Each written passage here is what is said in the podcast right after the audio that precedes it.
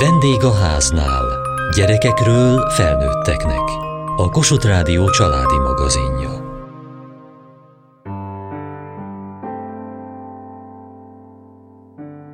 Mindenki tudja, mekkora rapság az alkoholizmus, és milyen nehéz tőle megszabadulni. De azt már kevesen tudják, milyen mély nyomot hagy a gyerekekben, ha ilyen családban kell élniük, és mennyire nehéz ebből kigyógyulni. Az ACA, az alkoholista családban felnőtt gyerekek csoportja nekik segít. Immár 25 éve hazánkban. Az édesanyám alkoholista volt, az apukám pedig munkamániás. Hát nem volt egyszerű. Rengeteg elutasítást éltem meg az életem során. Nehezen tehát a gyerek éveim sokat voltam egyedül, lelkileg. Milyen volt az iskola?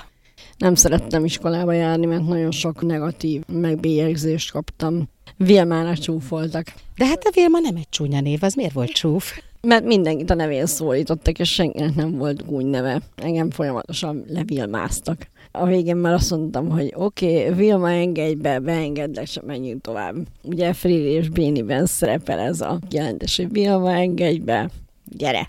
És így túléptem rajta. Nehéz volt, de elengedtem a csúfolódásokat. Nekem van négy fiú gyermekem, akiket nagyon-nagyon szeretek, és amikor terhes voltam a legelső gyermekemmel, akkor megfogadtam, hogy én sokkal több időt fogok tölteni a gyerekeimmel, és többet fogok nekik adni, mint amit én kaptam az édesanyámtól.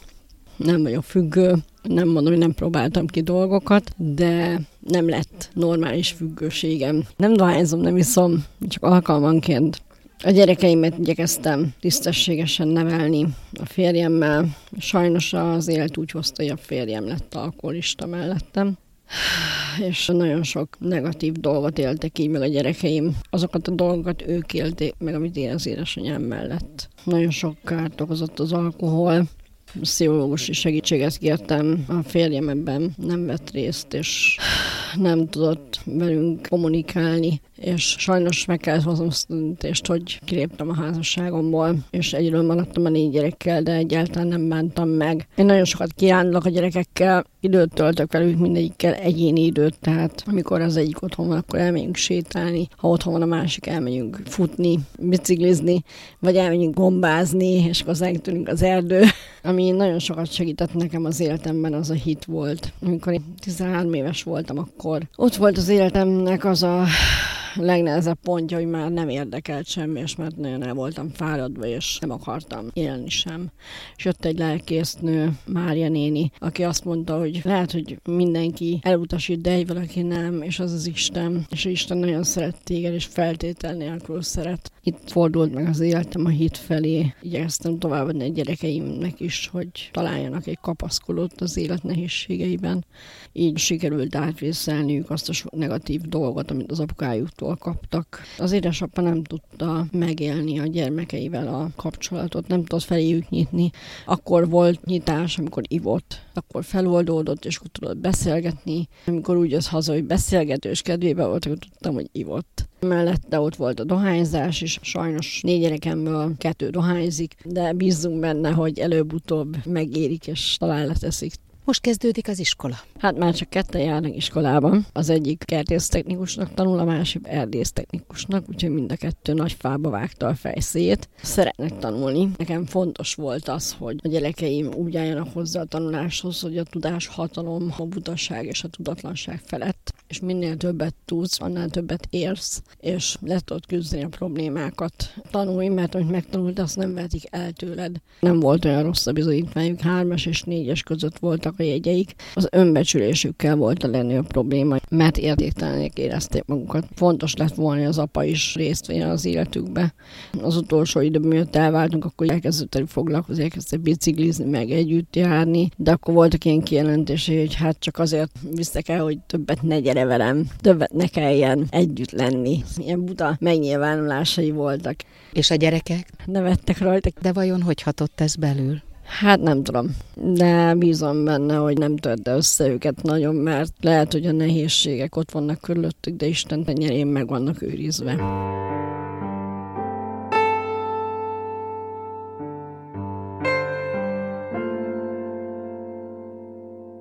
Egy olyan családban nőttem fel, ahol volt ugyan szeretet, csak más módon fejeződött ki, mint ahogy az én igényeim elvárták volna. Mi az, ami hiányzott? Az érzelmi biztonság, hogy én érezhetem magam másképp, vagy bárhogyan. Szerintem a szüleim úgy gondolták, hogy ők adnak enni, tiszta ruhát, meg minden ilyesmit, de emellett nem lehetett külön véleményem, vagy nem érezhetem magam másképp, csak hogy állandóan örüljek ennek. Minek kellett örülni? Olyan dolgoknak, hogy rokonoknak a tanyájára kimehetünk dolgozni. Nem is akartam, és nem is tudtam dolgozni, de nagyon kellett örülni, hogy oda kimehetünk. Ott termett olyan paprika és paradicsom, ami felejthetetlen íze van, és azóta se eszek sehol se olyat, ez tény. Játszottunk jó játékokat, például fölgyújtottuk nyáron ott a füvet, meg ilyenek. Voltak ilyen játékok, amiknek lehetett örülni. De mi hiányzott? Hát, igazából a figyelem. Úgyhogy nem figyeltek magára? Hát dolgoztak. Én nem akartam őket zavarni. Na de hát elmentek munkába, ott dolgoztak, aztán este meg hazajöttek. Hát nem, akkor fáradtak voltak, vagy vendégek voltak, és akkor rájuk kellett figyelni. Mi az, amit meg szeretett volna élni? Hát például megmutatni apukámnak, hogy most milyen vándorbotot találtam, vagy elmondani, hogy majdnem elkaptam egy fácánkakast, vagy megkérdezni, hogy hogy kell azt elkapni, milyenek. Beszélgetésre se volt idő? Volt végül is, az étkezéseknél talán tudtam kérdezni, de általában felületes választ kaptam, vagy elutasítót. Akartak ők segíteni néha, de hát többségében munka volt. Nagyon-nagyon sokat dolgoztak. Az anyai figyelem is hiányzott? Igen, de anyukám többet volt velem otthon, és többet foglalkozott, de őt is úgy éreztem, hogy nagyon leterheli ez a munka, és hogy megsényli azt az időt, amit mi töltünk együtt. És aztán később, mikor tinédzser volt? Akkor jött jól, hogy ez a figyelem ez már nem olyan nagy, mert akkor saját életet, egy titkos életet tudtam magamnak kialakítani. Arra használtam, hogy megtanultam elhárítani a figyelmet, hogy azt mondom, hogy jól vagyok, meg majd meg leszek valahogy, meg ilyesmi, és akkor ez nyugalmat adott nekik, és akkor én tudtam élni a szenvedélyeimnek. Mik voltak ezek? Cigaretta, alkohol, filmek, mindezt a saját szobámban, mert volt saját szobám, ami utólag is nagy dolog, azt gondolom nem mindenkinek volt. És az iskola belefért ebbe az életbe? Igen, megjelentem reggelente, végül is belefért. Igaz, hogy miközben ment az iskola, én képzeletben máshol voltam, és hogy ez nagyon jó eszköz volt, hogy képzelet varázs szőnyegén bárhova el tudtam jutni, úgyhogy fizikálisan az iskolába voltam. Utólag is nagy teljesítménynek tartom, hogy közepes tanuló voltam általában. Bár nem emlékszem, hogy annyira felhőtlen öröm lett volna, mert hogy sokba kerül, de miatt egy kicsit bűntudatot éreztem, de nagyon örültem persze új dolgoknak.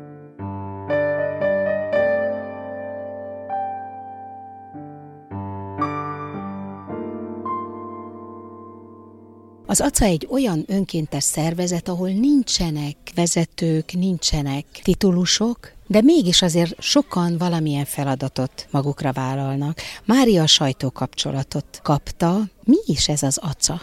Az ACA a névtelen felnőtt gyerekek közössége. Ez egy alulról építkező közösség, ahova bárki betérhet, akinek vágya van arra, hogy feldolgozza azokat a nehéz érzéseket, vagy azokat a problémákat, traumákat, amit gyerekkorában átélt, és úgy érzi, hogy hatással vannak a felnőtt életére is az ACA név az Adult Children Anonymous, ami alkoholista családokban felnövő gyermekek közössége. Több országban van, ugye Amerikából indult el ez a program a 70-es évek közepén.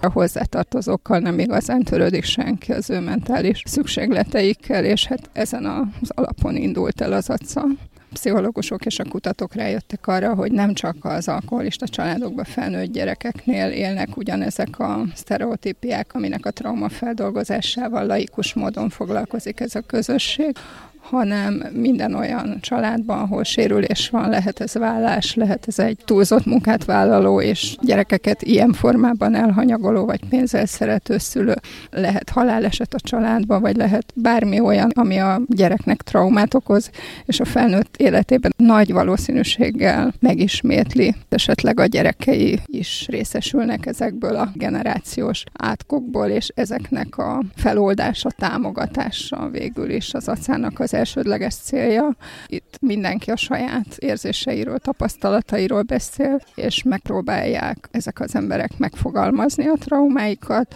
a közösségben egy támogató gyászfeldolgozás is történik, és amikor ezen is túl van az illetőnek, van 12 ajánlott lépésre, amit a névtelen alkoholisták fektettek le még a 30-as évek elején, és ennek az adoptálása történt ebbe a programba is. Arra koncentrál, hogy ezek a családi sérülések, ezek lehetőleg minél ritkábbak legyenek, illetve hogy a traumák feldolgozása után a felnövekedő nemzedékeknél minél kevesebb trauma legyen.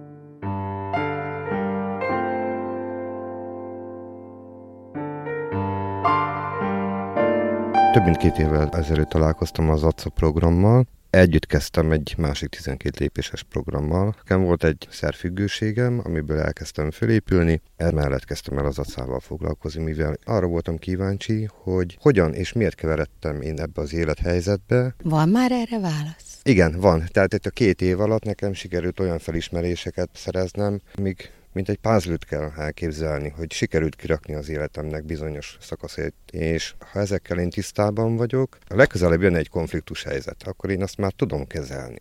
És nekem nem kell akkor már gyógyszerhez nyúlnom, vagy alkoholhoz, kábítószer nekem hál' Istennek soha nem volt, ezeket már normálisan tudom kezelni. Mert ha konfliktus volt, akkor rögtön elkezdett inni? Ez fokozatosan alakult ki, Sajnos nekem volt az életemben egy törés a vállásom, anyagilag is, meg lelkileg is megviselt. Szép lassan kezdtem én ebbe a dologba belecsúszni, hát előbb-utóbb többet vett el, mint amit adott. Így lettem alkoholista. Itt olyan emberek vannak, akik alkoholista családból származnak. Maga is ilyenből jött? Igen, mint ez kiderült, hiszen az anyukám is, az apukám is az alkoholrabja lett, de ezt már velük nem tudom megbeszélni, mivel hogy mindketten belehaltak az alkoholba. Engem nem is ők neveltek fel, tehát a saját nagyszüleim. Ott a nagypapa volt alkoholista, aki én úgy emlékszem, hogy három éves koromig ivott aktívan, majd lett neki egy betegsége, és onnastól kezdve egy száraz, mi ezt már úgy mondjuk száraz alkoholistává vált, és ezáltal vált egy végtelenül agresszív, bántalmazó személyiségé. Tehát a a gyerekkoromat a verbális és a fizikális bántalmazás jellemezte. Egészen 18 éves koromig, míg el nem tudtam szakadni a családi közeleiktől. Hát nem lehetett akkor könnyű gyerekkora. Valóban nem volt az, főleg az, hogy a nevem sem volt akkor egy divatnév, az is egy támadási felületet adott az iskolában. Csúfolták? Szinte állandóan, ráadásul még a tanáraim is. A másik az, hogy ugye a nagyszüleimet elég jól ismerték abban a kisvárosban, főleg a negatív oldaláról, és mivel hogy ővele nem tudtak mit kezdeni, ezért a sérelmeket rajtam vezették le. Tanárokkal is volt a nagyapámnak konfliktusa, fizikai bántalmazás, meg verbális bántalmazása volt a tanárok felé, tehát az, hogy az ő, ő unokáját megüti valaki rajta kívül, az egy tiltott dolog volt. Csak neki volt szabad verni. Csak neki, de neki állandóan. És nekem viszont meg ezt nem volt szabad elmondanom senkinek. Tökéletes elfolytást gyakoroltatta velem, nem volt szabad az érzéseimet kifejezni, nem volt szabad beszélni sem. Ő olyan ember volt, aki, ha jól emlékszem, négy éven keresztül tartotta bezárva a saját édesanyját. Magát is bezárta? Engem nem, csak az anyukáját. Tehát egy mentálisan borzasztóan sérült ember. Mit szólt ehhez? Nem gondolkoztam rajta, hanem bele kellett törődni, ez van, kész el kell fogadni, mert a papa így döntött. A verésbe is bele kellett törődni? Azt hogy bírta? hát sírással, de akkor is megvert, hogyha sírtam, tehát ez egy borzalmas dolog volt. És ezt nem is volt szabad például elmesélni, hogyha megjött a mama, és én panaszkodtam, akkor utána meg azért kaptam, mert árulkodni sem szabad. És én így éltem 46 évig. Ilyen körülmények között megváltás volt az iskola? Nem, hát a, az iskolában még, még ezek folytatódtak. Még a középiskolában is ugyanezek a váltások, ezek megvoltak.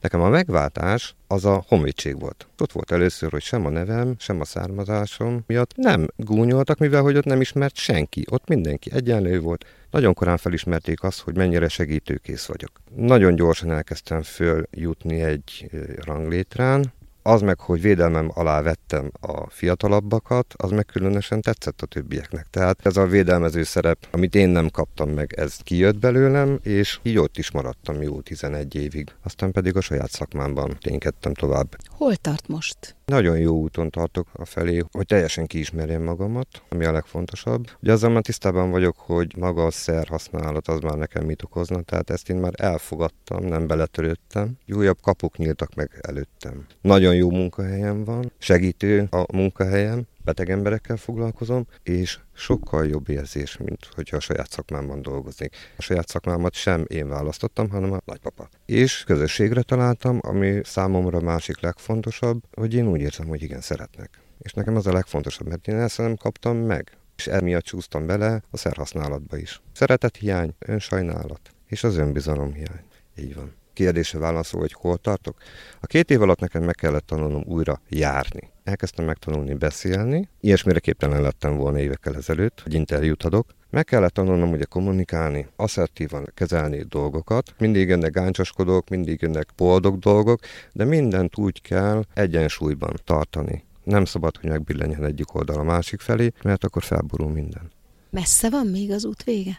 Az út vége az a sírig tart. Nem lehet azt mondani, hogy na én most kész vagyok, mert az önteltség, az egy hatalmas nagy ego, amit viszont meg nem szabad. Szerintem a lehetőség az mindenkinek ott van. Legyen az depresszió, legyen az valami szerhasználat, legyen az egy gyásznak a feldolgozása. Teljesen mindegy, hogy milyen krízis helyzet, trauma. Mindig van kiút. Csak merni kell segítséget kérni, és merni kell elfogadni azt. És megoldódik.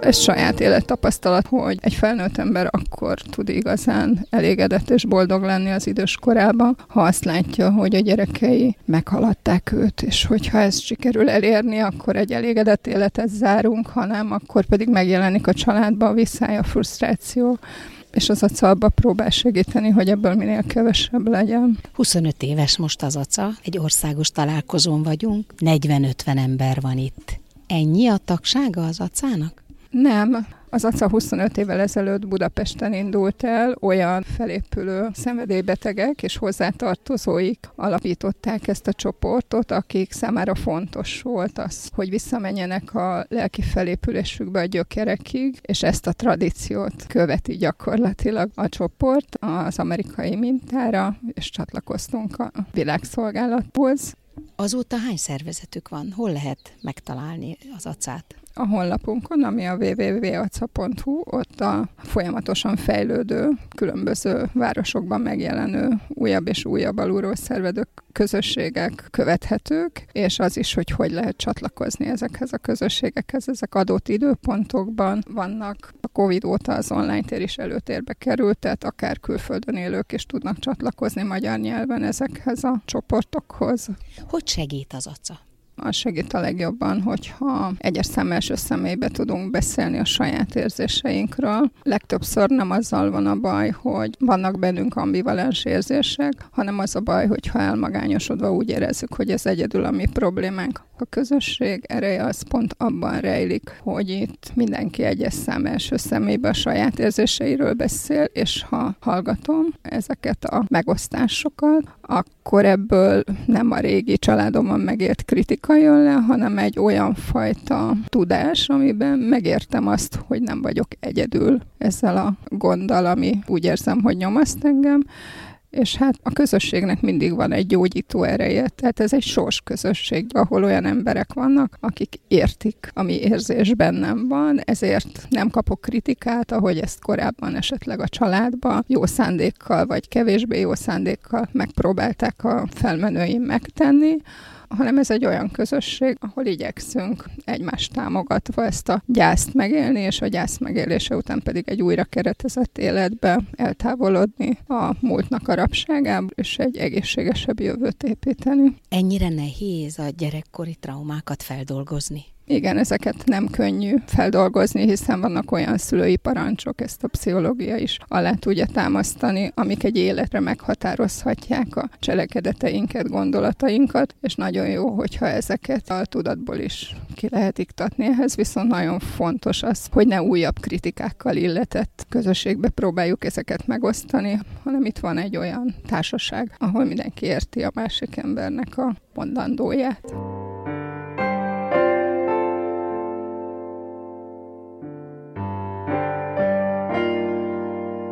Most itt vagyunk ezen az aca találkozón. Miért van itt? Hát, hogy részese legyek valódi pillanatoknak, mert azt gondolom, hogy az élet az ilyen valódi pillanatokról szól, amikor az embernek eláll a lélegzete, hogy egy egész más korú, nemű vagy gondolkodású embert hall, és ugyanazt érzi, át tudja élni. És ez nagyon felszabadító érzés nálunk a függőség az, az részben egy elemi ösztön volt, mint a félelem, meg egy szenvedélyes dolog, amit nagy szenvedélyes kell csinálni, az italozás, a disznóvágás, az ezzel kapcsolatos foglalatosságok, hogy már ha a pálinka megvan reggel a disznóvágás előtt, akkor már bátorsággal se lesz gond, meg semmi mással, aztán nagyon sok gond volt. Édesapa és édesanyja is függő volt? Igen szerettek italozni, ettől kerültek néha nagyon rossz hangulatban.